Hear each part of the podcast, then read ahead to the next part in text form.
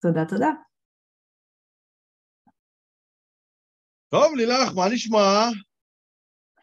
סבבה, אני בסדר, איך אתה? אני מצוין. נהיה מנומסים? האמת היא שלא סתם, אה, רגע, תני לי להשתיק את הטלפון, לא סתם אה, בחרתי לעשות את הפרק הזה בנושא השתעבדות לשיווק עם לילך גוטמן, כמה מילים על לילך. אה, קודם כל היא בסטנדרט אי שם במחזור השני, שנפתח אי שם במרץ, זוכרת מתי במרץ? 16 לדעתי. 16 למרץ 2021, ומה שיפה פה זה שכשלילך התחילה את המסע שלה בסטנדרט, אמ,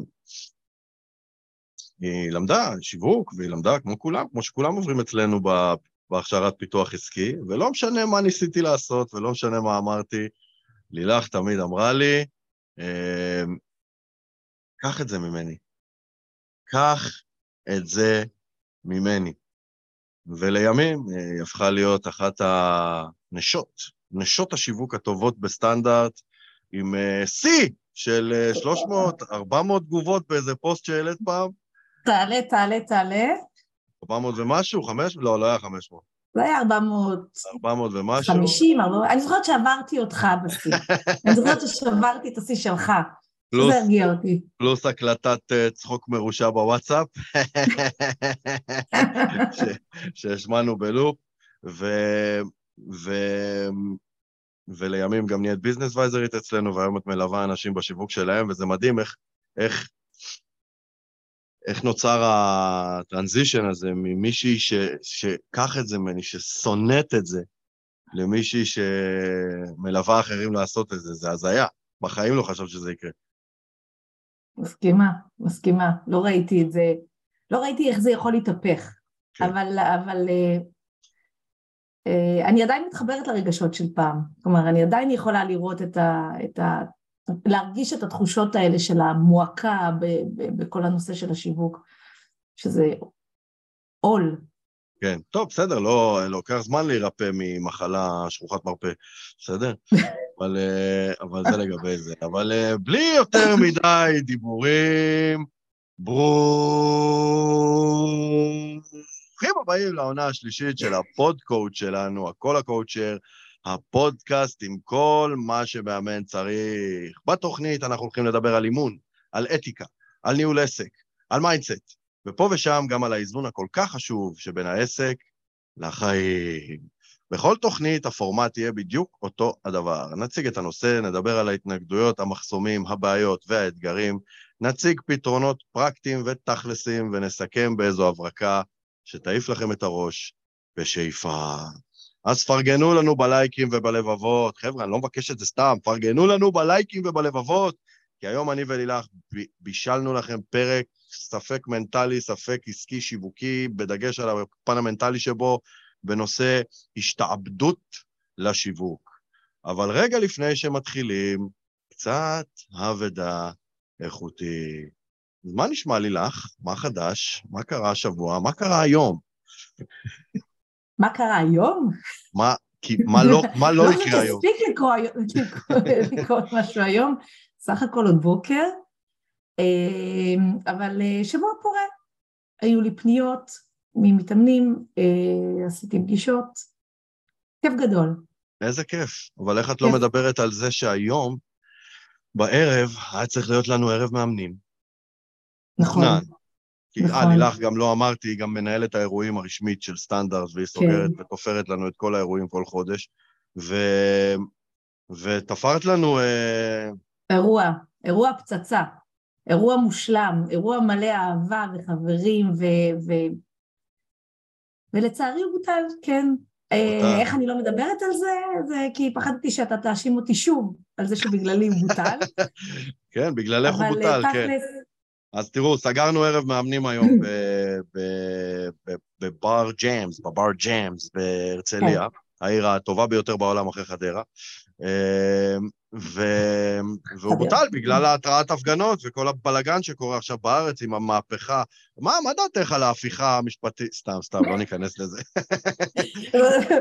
לא חבל על הזמן של הפרק? כן, לא, סתם. אז, אז כן, פעמיים, שלוש בשנה אנחנו אה, אה, קובעים ערב מאמנים בסטנדרט. חשוב לנצל את הבמה כדי לומר זאת. על חשבון סטנדרט, פותחים שולחן ועושים כיף, כולנו בכיף ובאהבה, ולצערי, אה, בוטל, בוטל. החלטה אסטרטגית ניהולית לא פשוטה שהייתי צריך לקחת אה, בגלל ההפגנות, כי אנשים באים מהצפון ומהדרום, ואני לא יודע אם יגיעו, לא יגיעו, לא בא לי. אז אה, הנה, מצב שבו ההפגנות אה, משבשות, משבשות את השגרה העסקית שלנו. מעצבן, ממש מעצבן, חיכיתי לזה. אה, אבל זה מה יש, מה שנקרא. זה מה יש. קצת מוביל אותנו לפרק של היום, כי זאת המציאות, מה נעשה? צריך להתמודד איתה. אוקיי, אז בלי יותר מדי דיבורים, אני רואה שאת אוהבת את הנושא הזה. אז uh, טוב, אז בואי נתחיל. מטרת הפרק שלנו להיום היא להתגבר, לעזור לכם, צופים יקרים, להתגבר, או מאזינים, אם זה בספוטיפיי, להתגבר על תחושת השעבוד לשיווק, הכנסתי פה אלמנט של דרמה עם המיקרופון החדש שלי פה, כי אני משועבד לפודקאסט, הכל הקואוצ'ר, אז uh, רכשתי לי מיקרופון חדש. טוב, אבירם, כרגיל, אתה מאוד משימתי, אז בוא אני אעזור לך. בוא, בוא נדבר תכלס. על החסמים. על, ה... על החסמים שבשיווק. אוקיי, אז uh, במעבר חד, uh, לילך, כי מישהו צריך פה לקחת אחריות על הפרק. Uh, כן. מה, מה, מה החסם הראשון? למה אנשים מרגישים משועבדים לשיווק? תראה, אני חושבת שהחסם הכי נפוץ הוא הפרפקציוניזם. התחושה הזאת שאני, כשאני מוציאה פוסט, אני חייבת שהוא יהיה מושלם, אני חייבת שהוא יפגע בול, אני חייבת שהקהל שלי יתחבר אליו.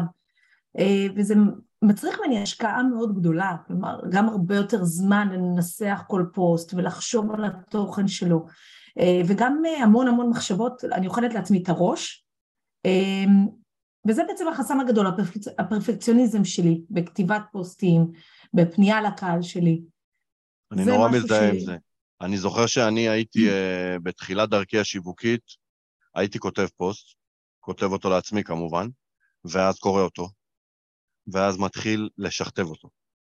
ואז קורא אותו שוב, ואז משכתב אותו שוב, ואז מחליף מילה פה עם מילה שם, ואז עוזב את זה, הולך, פותח את הקובץ וורד או מה שזה לא יהיה אחרי איזה חצי יום, קורא את זה שוב. אולי המוח שלי כבר באיזשהו שלב, אני קורא את הפוסט, והמוח מטוגן כבר, אני כאילו קורא ואני לא מבין מה אני קורא. והכי גרוע זה שכשמחכים כמה ימים, כלומר זה הופך להיות כאילו מריחה גדולה, ובסוף פוסט קטן הופך להיות משימה של שבוע. כי אתה נכון. מעביר את זה ליום הבא, ואז ליום הבא, ודברים מתמסמסים, ואז עוד פעם, ואז כשאתה מגיע לזה אחרי כמה ימים, אתה בכלל משכתב אותו לגמרי, ומבין שאולי עשית טעות כשכתבת אותו בדרך, בדרך הזו בפעם הראשונה. בקיצור, כן, והוא... זה הופך להיות מועקה אחת גדולה. והוא תמיד מרגיש גרוע, לא משנה מה אני אעשה. כן. הוא תמיד מרגיש גרוע, תמיד, ואז אני צריך כן. לשאול אנשים, הוא טוב, הוא לא טוב, אני צריך לקבל אישורים. אמ, ואז עובר שבוע, כמו שאמרת, ואז אני אומר, טוב, הוא כבר איבד מהרלוונטיות שלו, אני כבר לא אוציא אותו. מעניין כמה אנשים, תכתבו לנו בתגובות, לכמה מהמאמנים פה. אמ, זה קורה. יש פוסטים שהם כתבו, והם אף פעם לא ראו אור ולא פורסמו, והם שוכבים שם, יש לך כאלה? בטח. וואי, זה נורא. זה נורא, בדיוק.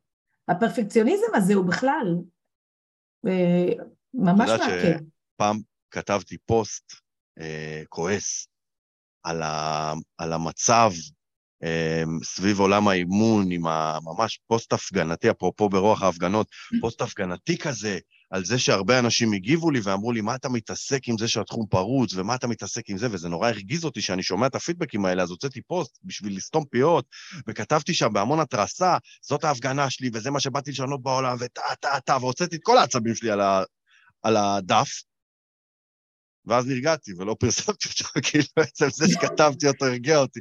עד היום הוא שוכב לי ב... ממש, ממש, וואי, אולי אני אנצל את הבמה כדי לקרוא אותו.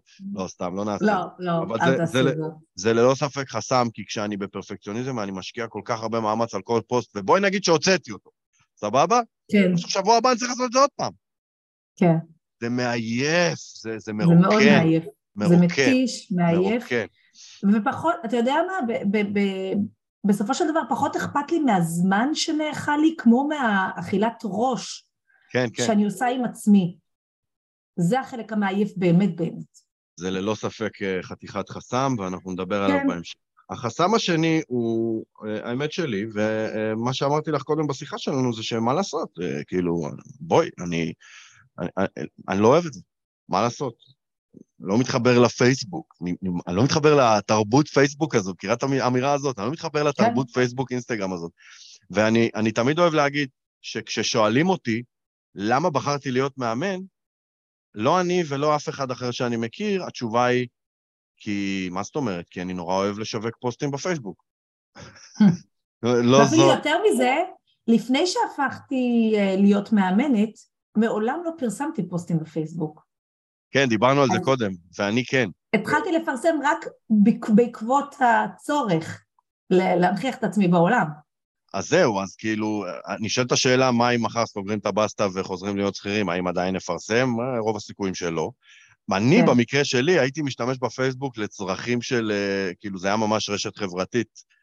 is that, כן. כמו שהיא הייתה אמורה להיות במהות. נכון, היו לי מוציא- 200 חברים. אז אני, לא, אבל אני הייתי מוציא פוסטים רק בדיחות ושטויות, אבל שטויות, בשביל? לעשות צחוק עם? החבר'ה, רק שטויות. אני? תופתעי, תופתעי לשמוע שאני, שאני אוהב שטויות. אבל מה. שמדהים הוא שבאיזשהו מקום, כשפתחתי את העסק ועכשיו נהייתי בן אדם רציני, אני ממעיט בפוסטים של השטויות, וזה מבאס אותי באיזשהו אופן. אז אה, מה, הפוסטים הרציניים אל האלה, די. תדאג, השטויות במציאות מכסות על הצורך של הפוסטים, מבטיחה לך. תודה רבה, תודה, זה נורא כיף לי שאת פה. אבל אה, במידה מסוימת, את יודעת שאני לפעמים מסתכל על הפוסטים שלי ואני אומר, אוף, אבירם, אתה כזה רציני, זה, לא אתה, זה לא, זה לא אתה. כאילו, תוציא את השטויות שלך מהמגירות כבר, תחזור להיות השטוטניק, אבל אז אני אומר, זה לא משרת את העסק, זה כן משרת את ה... היה לנו פעם פרק, מזמן מזמן, בהכל הקואוצ'ר, שקראנו לו דילמות בשיווק, והוא ממש עסק בדברים האלה, מה כן לפרסם, מה לא לפרסם, עד כמה לפתוח, מה לא לפתוח, מה לא להגיד. אני מעשן סיגריה בבר, לפרסם סטורי או לא לפרסם סטורי? זה, זה מתאים למאמן? זה לא מתאים. כל מיני דברים כאלה, אבל שורה תחתונה, את הפוסטים הרציניים par excellence, לא אוהב, מה? לא אוהב. כן, וזה, וזה אני מתחברת מאוד ואני מסכימה, זה מבאס מאוד ובאמת לעשות דברים של שלא. אוהבים. כן, כן. כן, זה חתיכת ערך אצלך. מי שלא יודע, ללילך יש ערך עליון, אהבה. בגלל זה, בגלל זה אני אוהב אותה. גם כשהיא יורדת עליי ומורידה לי את הראש ומכסחת אותי, שזה קורה בערך שלוש פעמים ביום, היא עושה את זה עם המון אהבה. אני עושה את זה בגלל האהבה. המשפט אה, הדרך לגיהנום רצופה בכוונות טובות, הוא אצלך הוא מקבל upgrade, הוא הדרך לגיהנום רצופה ב...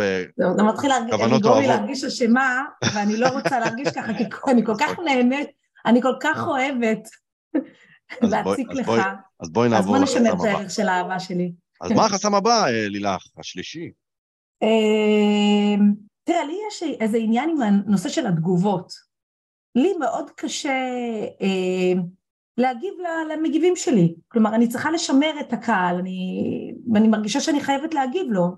פרסמתי פוסט, או שאלה לדיון. הוא מגיע עם מגיבים, עבודה, הפוסט. ותכלס, כן, אני צריכה להגיב למגיבים שלי. כי... כן. אפילו מתוך נימוס בסיסי. נכון. אבל אני לא כן. רוצה שזה יהפוך להיות אה, משימה. אני רוצה שזה כן. יהיה באהבה. אז מה עושים? זאת אומרת, את יודעת. מראש, את יודעת מראש שכשאם תוציאי פוסט והוא יהיה מוצלח ממש, וגברתי פה, בלי עין הרע, יש לה תגובות, אז, אה, אז את כבר צופה מראש, וואי, וואי, וואי, אני אוציא את הפוסט הזה או את השאלה הזאת לדיון. אגב, השאלות של לילך, מי שלא רואה אותן ולא שומע אותן, הן מדהימות, מעוררות מחשבה, ואז יש מלא תגובות, ואז אני, לילך צריכה להגיב לכולם. אז אם יש לה 100 מגיבים, היא צריכה להגיב ל-100 איש, ולפעמים הם מגיבים לה על התגובה, שזה בכלל, ונהיה שרשור, שרשור. עכשיו, לא רק שאני לא אוהבת לכתוב פוסטים, אני צריכה לכתוב אחר כך מיני פוסטים מאה פעמים. כן, זה, זה כאילו כאבי ראש. זה, זה מצד אחד נשמע כאילו, אוי, מסכנה, צרות של עשירים, ומצד שני, מה לעשות, לעשירים יש צרות. וזה, וזה, וזה אישו, זה לגמרי אישו, אני לגמרי מסכים עם זה. והחסם הרביעי והאחרון, אני, אני אוהב תמיד לומר, זה פשוט יותר מדי עבודה.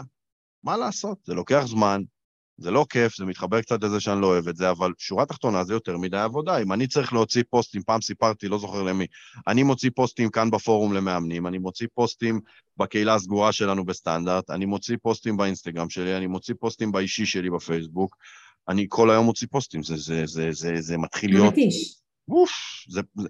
עזבי שזה מתיש, זה, זה פשוט יותר מדי עבודה. ואז אני מרגיש באמת משועבד. אז uh, אנחנו עוברים uh, במעבר חד בעצם לפתרונות, אבל רגע לפני זה יש הנחת יסוד מאוד מאוד חשובה שחשוב לי להגיד. ברגע שאנחנו uh, מוצאים את עצמנו, גם ברמה האימונית, עושים משהו שאנחנו לא רוצים לעשות, יש לנו שתי אפשרויות בעצם, וזה מבוסס על מודל אפרת. אנחנו יכולים לשנות את האלף, את האירוע, ולהפסיק לעשות את זה, אוקיי?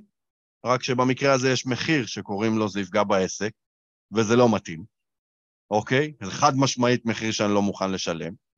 ולכן כל שנותר לי להתחיל לעבוד על הפיי, ובשביל לעבוד על הפיי אני צריך לעשות סוויצ'ים בראש כדי לעשות את המעבר מתחושת השיעבוד הזאת, יש לומר אולי פרשנות השיעבוד, כי אולי שיעבוד זה לא תחושה, זה יותר אה, פרשנות, לא יודע, אה, לעשות את הסוויץ' בשביל להרגיש משהו אחר כלפי השיווק שלי, ואז אני אוכל להיות ב, בעשייה, בתגובה שמשרתת את העסק, וגם אותי כאדם.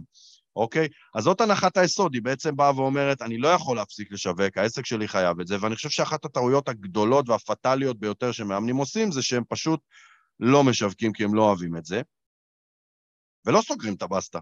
נשארים מאמנים, ואז אומרים, מה, אין לי מתאמנים, אין לי מתאמנים, מה לעשות? אי אפשר לאכול את העוגה.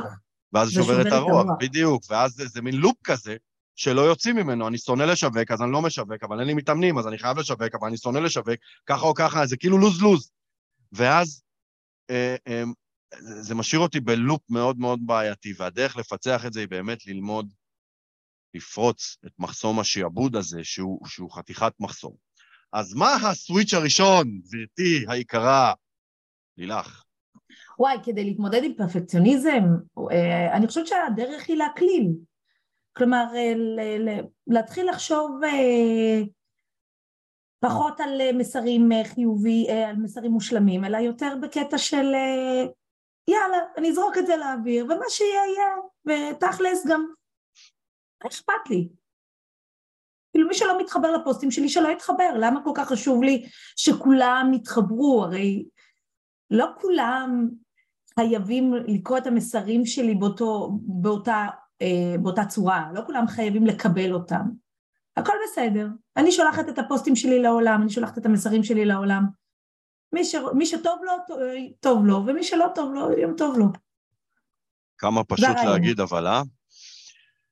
זה לא, זה לא, היה, זה לא פשוט, זה, זה מצריך עבודה תמידית, זה כל הזמן כשקובעים פוסטים, אה, משחררים אותם, גם אם יש שם שגיאות, אה, נניח, אה, אה, שגיאות אה, קטנות בכתיב או במלל, לשחרר, לא, כן. לא לעשות מזה יותר מזה, במיוחד דרך אגב, במיוחד במיוחד עם סרטונים. כשאני מצלמת סרטון ואני מגלה ש, שבמהלך הסרטון בטעות אמרתי אה, משהו עם שגיאה, עם שגיאת עברית או משהו כזה, להתעלם, לשחרר, הכל בסדר, לא קרה כלום. תשמעי, אני תמיד אומר שבעולם האימון, אה, גם ערכים וגם צרכים זה דברים שאנחנו עובדים עליהם באימון, והם דברים מדהימים, הכל נובע מתוך הערכים והצרכים שלנו, אבל גם הם לפעמים יכולים להיות מעכבים, אוקיי? אם יש לי ערך חופש והוא מוגזם והוא משתלט עליי והוא גורם לי לא לעבוד ולא להיות בתוך מוסר עבודה ומשמעת עצמית, אז יש בעיה, אני צריך לווסת את הערך, ואם יש לי צורך ב... אה, צורך שמעכב אותי כמו שכולם מתח... יש לי צורך שכולם יתחברו למסרים שלי, והצורך הזה ממומש בידי אחרים, אז אני צריך לעבוד על לשחרר אותו. ואז זה מחזיר אותי למקום הזה שאני כאילו כותב, רואה את הפוסט, אה, לא מחובר, אני משכתב אותו, אה, לא מתחבר, משכתב אותו, משכתב אותו. אז אני אומר, איך שבא לי לשכתב משהו, קופי, פייסט, פאבליש, ישר, פרסם. ככה. כאילו, וזאת תחילת העבודה, ללכת נגד האוטומט שלי בהיבט הזה, ולאט לאט הפרפקציוניזם יעבור להיות הקללה. אה, ואני תמיד אומר... אה, אני חושבת שאחרי שעושים את זה פעם, בפעם הראשונה, מרגישים הקלה כל כך גדולה, שההקללה מגיעה מאוד מאוד מהר. מבינים כמה זה מקל. זה מעניין שההקלה מגיעה מההקללה. וואו, כן. אולי זאת צריכה להיות ההברקה שלנו. זאת ההברקה של הפרק. נכון. אני כן אגיד, אמרת מי שיום טוב, איך אמרת? מי שטוב לו יום טוב לו, מי שלא טוב לו יום טוב, איך אמרת את זה? מי שטוב לו טוב לו, ומי שלא טוב לו יום טוב לו. אז אני אוהב להגיד, מי שלא מתחבר, אני לא הוט, מי שלא מתחבר, שיתנתק. שיסיר את עצמו מהזה. מי, פעם אחי, הייתי ב... ראינו מכבי, אני, אחי ואבא שלי איזה יום, ואז אחי אמר לי, יואו, כמה אתה קודח בפייסבוק, הרגת אותי. אמרתי לו, זוהר, אתה מתכוון להיות לקוח שלי בקרוב?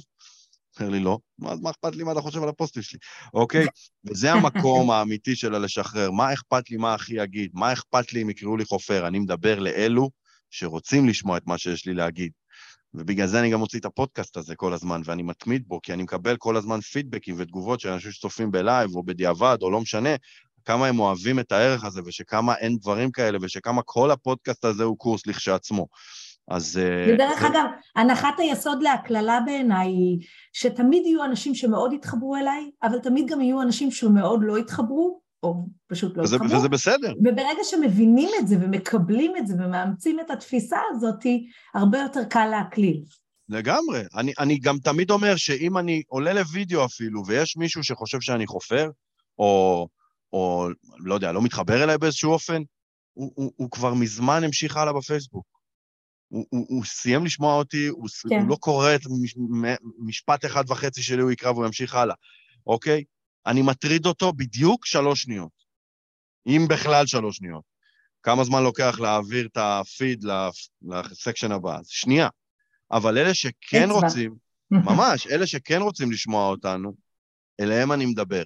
וקרה כבר שהייתי נפגש, היה לי פעם לייב אה, שהייתי עושה לבד, אה, לפני סטנדרט שנקרא וביום שלישי פעמיים כשפיץ. שם, שם גאוני. וכל יום שלישי בשתיים הייתי עולה ללייב, ביום שלישי פעמיים כשפיץ. ומי שלא יודע, שם המשפחה שלי הוא שפיץ. ו... ואחרי תקופה הפסקתי, יצאתי לפגרה, עד היום לא חזרתי, והייתה לי פגישה מקדימה עם איזה לקוח מתעניין יום אחד, והוא אמר לי, למה הפסקת עם הפעמיים כשפיץ הזה? וואי, איך אהבתי את זה. וזה קטע, אנחנו לעולם לא נדע מי קורא ומי צופה, ועבור אותם uh, נסתרים, לקוחות נסתרים, אני, uh, גולשים נסתרים, יש לומר, אני כותב. אז זה לגבי הפרפקציוניזם להקליל. מה לגבי זה שאנחנו לא אוהבים את זה, מה לעשות, לא מתחברים לפייסבוק הזה? אז אני אומר, אפשר ללמוד לאהוב את זה. וגם פה יש לי הנחת יסוד מעניינת. כולנו יכולים למצוא לפחות דבר אחד שפעם לא אהבנו, והיום אנחנו כן אוהבים. לפחות דבר אחד, אם לא יותר. אפשר לשנות אהבות. למשל, פעם לילך לא אהבה אותי, והיום היא נורא אוהבת אותי. או שלא. אז זהו, טעית פה קצת בדוגמה. אני חושבת שעדיף לדבר על ברוקולי. כשהייתי ילדה לא אהבתי ברוקולי, והיום אני מאוד אוהבת. וואלה, מה גרם לשינוי? כן.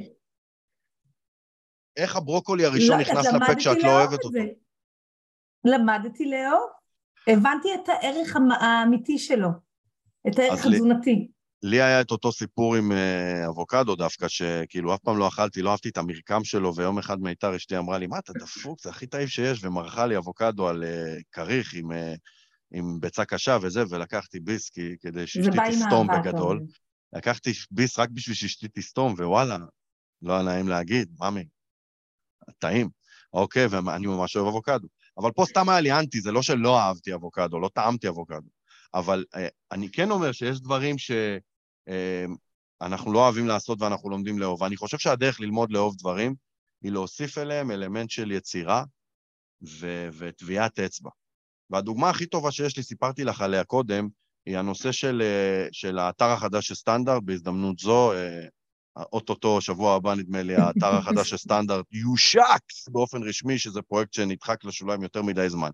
והמפתח אתרים שלי, בגלל שהאתר של סטנדרט צריך להיות כל הזמן בפעילות, מאמרים מקצועיים וכולי, אמרתי לו, תקשיב, תלמד אותי איך... אה, כאילו, אין לי מושג, ת, תלמד אותי איך, איך מזינים מאמר מקצועי חדש לאתר, כי אני לא רוצה שכל החיים תתחזק לי אותו.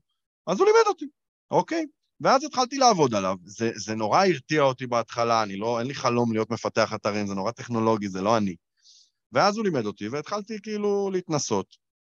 הבנתי איך, ואז ככל שעבר הזמן, הרגשתי יותר ויותר ביטחון, ופתאום התחלתי ללחוץ על כל מיני כפתורים שם בוורדפרס, בפנוכו, וראיתי מה זה עושה ומה זה עושה, ופתאום הרשיתי לעצמי, העזתי להתעסק עם העיצוב של המפתח, ולהכניס את טביעת האצבע שלי ואת היצירתיות שלי, והפלא ופלא, פתאום נדלקתי. פתאום אני נהנה מזה. פתאום אני אוהב לעשות את זה, פתאום אני יושב בבית וחושב על כמה בא לי לעשות את זה. ממש ככה, כמה שזה נשמע, נשמע הזוי. אז אני חושב שאם נמצא דרך לעשות את זה גם בשיווק שלנו, את לדעתי עושה את זה בקריאייטיב. נכון, נכון. אני מצאתי, אני מצאתי את עצמי משקיעה המון זמן בעיצוב אה, של נניח של הלוגו שלי, של הצבעים, במחשבה על איך הפוסטים ייראו מבחינה ויזואלית. זה ממש, אה, זה מה שהדליק אותי וזה מה שנתן לי את המוטיבציה להמשיך ולפרסם, למרות שזה היה באמת מועקה גדולה. אה, והתחלתי לשחק לשחק באמת עם הנושא של, ה, של, העיצוב, אה, של העיצוב של התמונות, של העיצוב של הצבעים. אה, את בקנווה עושה את זה, נכון? כן. מאוד שזה... קל, מאוד פשוט. כל מה שצריך זה באמת אה, למצוא את הטביעת אצבע שלי, אני חושבת. למצוא את הצבעים שאני מתחברת אליהם, שמייצגים אותי. וזה, זה, וגם למצוא תמונות שאני מתחברת אליהן כשאני מפרסמת את הפוסטים שלי. כן. אה, אני חושבת ששם זה מה שכבש אותי בלהמשיך. אני... גם חושב, וזה מתחבר לאיזשהו mm. ערך של מקוריות וייחודיות, ש, שאני לא רוצה להישמע כמו אף אחד אחר. אוקיי, כן. אני שומע על הרבה אנשים שכאילו מעתיקים מסרים מאחרים בשביל ש... כי, כי זה מביא תנועה, ואני אומר דווקא הפוך, אני לא רוצה, אני רוצה להיות שונה. מיוחדת, אז אני חושב כן. גם על הטקסטים שלי, איך אני מביא אותם ממקום אחר, איך אני מכניס כאילו את עצמי. המפתח אתרים שלי, יש לו את הטביעת אצבע שלו, עם אה, איזושהי, הוא, הוא רשם אה, בדף הבית, הוא רשם סטנדרט עם איזושהי, בצורה כזאת של חתימה. ואמרתי לו, וואי, איזה יופי. הוא אומר לי, כן, זה הטאץ' האישי שלי לכל האנשים שאני מעצב להם אתרים, אז יש את החתימה הזאת שידעו שזה אני, סואנו מדיה, זה, זה אני. אה, אז, אז, אז זה, זה באמת הדברים הקטנים, הטאצ'אפים שהם שלי, וזה יכול להיות בטקסט וזה יכול להיות בקריאיטיב, וזה לגמרי יכול... בקיצור, אני חושבת נשמע... שיצירתיות יכולה לעזור פה המון, כן. אמ, ולנסות למצוא את הדבר שאתה אוהב בתוך ה... אז אני אומר יותר מזה, לא סתם לא אמרתי יצירתיות, אלא יצירה. אני חושב שכשאני זה היוצר, שאני מכניס משהו שאני יצרתי, בא לי, בא לי שיראו. בא לי להוציא כן. אותו החוצה, וזה החלק של כמה שזה נשמע הזוי, אפשר ללמוד לאהוב שיווק, אוקיי? נכון. החסם השלישי, איך מתמודדים עם התגובות האלה שאמרת קודם, עם האחרי סבלנות לתגובות? הפתרון וואו, השלישי יותר נכון. האמת, אה, האמת, אני חושבת שמה שעזר לי להתמודד עם, ה, עם המחשבות האלה, אה, זה באמת כאילו הניסיון ליצור אינטראקציה עם הקהל שלי. אני, אני פשוט ניסיתי לשנות את המחשבות שלי במקום אוף איך לא בא לי, לוואלה יש לי כאן הזדמנות ליצור קשר ישיר עם הקהל, עם הקהל של העוקבים שלי, עם אלה שקוראים את הפוסטים שלי, שהם בעיקר נשים במקרה שלי. אה, זו הזדמנות לגעת ולשאול שאלות ולשמוע את התשובות ולראות מה מעניין את הנשים שפונות אליי אה, או שמגיבות לי. זו הייתה באמת הזדמנות שלא רציתי לפספס אז ניצלתי אותה והרבה פעמים גם שאלתי שאלות, אה, שאלות כקונטרה לתגובה שלהן והם הגיבו לי והרבה פעמים גם עברנו לפרטי שזה היה הכי נפלא כי זה הכי יכול להוביל בסופו של דבר למתאמנות שמגיעות אליי לקליניקה אז ראיתי, אני ניסיתי לייצר, ניסיתי בעצם להחליף את המחשבות שלי ל, אה, במקום וואו באסה להזדמנות מעולה. את יודעת, זה קטע, אני חושב שנדפקנו עם העידן הזה של... כולנו, כולנו, תפסיק לקטוע אותי. נדפקנו עם העידן הזה של המסכים, תרבות המסכים. אני אגיד לך למה. אם עכשיו אני אגיד לך, תקשיבי, בואי לשעתיים לשבת עם החבר'ה באיזה בר בית קפה. ברור שתשמחי, נכון? אנחנו יצורים חברתיים. אבל לילך, שימי טוב. שימי, שימי טוב, שימי לב טוב. אמ, אנשים הולכים לדבר איתך שם, ואת צריכה להגיב להם. זה נורא מצחיק, נכון? מה? רק במקרה שלנו זה בסוף לא יצא לפועל, כן? בסדר, זה אה, סיפור כן. אחר, אבל בגדול, זה נורא מוזר שבמפגש פרונטלי, מה, אני בכלל לא, אני בכלל לא חושב על הדבר הזה כאל משימה ש, שהיא טרחה. אבל במסך, זה לא בן אדם, זה שורה של נודניק שעכשיו מדבר איתי. מה הוא רוצה? אין לי זמן. כולנו instant instant. וזה, וזה, בגלל זה אני אומר, נדפקנו. זה הזוי. שוכחים שמאחורי כל תמונת פרופיל יש אשכרה בן אדם שיושב שם. ויש לי הזדמנות כאילו לייצר אינטראקציה עם הבן אדם הזה וליצור קשרים חברתיים, שאולי יהפכו להודעה פרטית, כמו שאמרת קודם. זה ממש עושה אצלי את השינוי. אני יצור חברתי, אני אוהב לדבר עם אנשים, אני אוהב להכיר אנשים חדשים, אני אוהב להכיר כמה שיותר אנשים. קשרים זה דבר חשוב בעסקים, וזה לי עושה את הסוויץ' המאוד גדול. כל אדם שמגיב לי, מייצר לי הזדמנות ל... ל... לחיבור. כן, ממש ככה. וגם אסור לנו לשכוח שמאחורי השורה הזאת של הפרופיל אה, נמצא אדם שהגיב לנו והוא מחכה לשמוע מה אנחנו אומרים על התגובה שלו, כי הוא הגיב לנו מתוך סיבה, הוא לא הגיב לנו כי מישהו הכריח אותו, הוא הגיב לנו כי הוא רוצה לשמוע מה יש לנו לומר על הדעה שלו. לגמרי. וחשוב שאני, שניתן לו קונטרה. לגמרי, לגמרי. טוב, אז אה, זה מוביל אותי לפתרון האחרון, אה, לגבי ה... זה פשוט יותר מדי עבודה, מה הסוויץ' שאני אוהב לעשות אצלי בראש. והסוויץ' שלי הוא נורא נורא נורא פרקטי, עסקי, שכלתני, והוא הולך ככה. אמ, יותר מדי עבודה זה מושג בעייתי. מה זה אומר? כמה זה יותר מדי? כמה זמן זה לוקח? כמה זמן זה לוקח? כמה פוסטים אני צריך? כמה? כמה? תכלס כמה? ואז כמה זמן לוקח לי לכתוב אותם? אז לקיצונים אפשר ממש לשים סטופר ולמדוד, אבל ברמת העיקרון, אני משנה את המושג האמורפי הזה, זה יותר מדי עבודה, למשבצות מוגדרות בלוז. מתי אני משווק, מתי אני יושב על השיווק, מתי אני יושב על הפוסטים שלי, מתי אני עושה סרטוני וידאו, מתי אני עושה סטורי, מתי? כשאני יודע מתי, אז אני יודע להגיד, זה לא יותר מדי עבודה, זה שעה בשבוע. פתאום כשאני אומר זה שעה בשבוע, אוקיי, זה ארבע שעות בחודש. כן, כן, מה זה ארבע שעות בחודש? זה לא יותר מדי עבודה. אוקיי?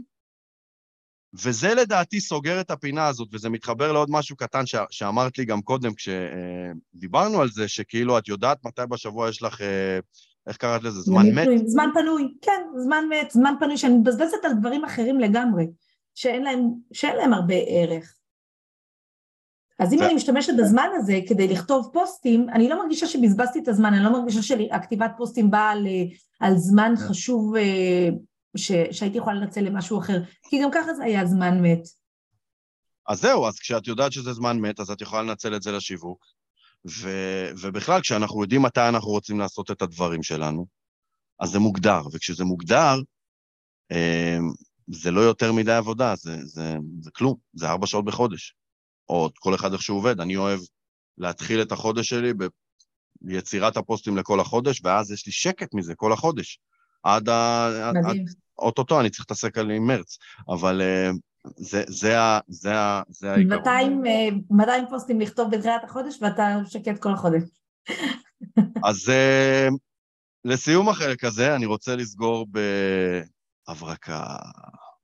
וההברקה הולכת ככה. 아, רגע, לפני ההברקה, משהו קטן שחשוב לי להגיד. בתחילת השבוע פרסמתי פוסט ושאלתי איך אתם מתמודדים עם, איך תוכלו לעזור למאמן להתמודד עם ה... אה, או, או לשמור על עקביות בפרסום של הפוסטים.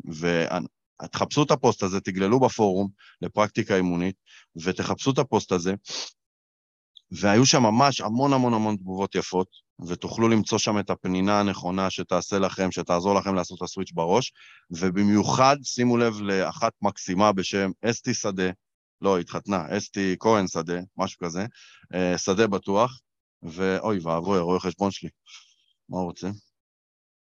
אני אף פעם לא אוהב שהוא מתקשר אליה.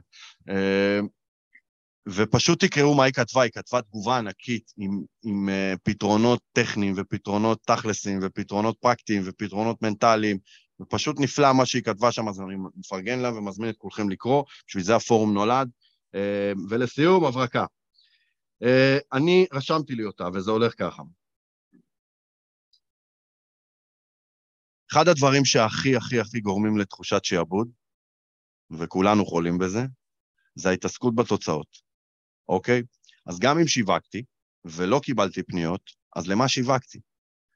כאילו, אז אני מוציא עוד פוסט ואני לא מקבל פניות, אז למה שיווקתי? ואז אני מוציא עוד פוסט ואני מקבל איזה לייק. נו, אז למה אני משווק? זה לא עוזר, זה לא מביא כלום. כל הזמן יש ציפייה שתגיע תמורה לעבודה הקשה הזאת שאני טורח לעשות. וזאת ההתעסקות בתוצאות, אוקיי?